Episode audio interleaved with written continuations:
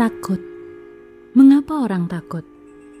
Karena takut gagal, tidak mendapatkan apa yang mereka harapkan atau inginkan, takut mengecewakan, dan berbagai ketakutan lainnya. Ketakutan adalah cemas akan masa depan, padahal tak ada manusia yang tahu dengan persis bagaimana masa depannya. Sebab itu belum terjadi. Itu adalah bayangan dari imajinasi dan kalkulasi. Tak seorang pun dapat memprediksi dengan pasti. Kita boleh mempersiapkan solusi apabila yang terburuk terjadi.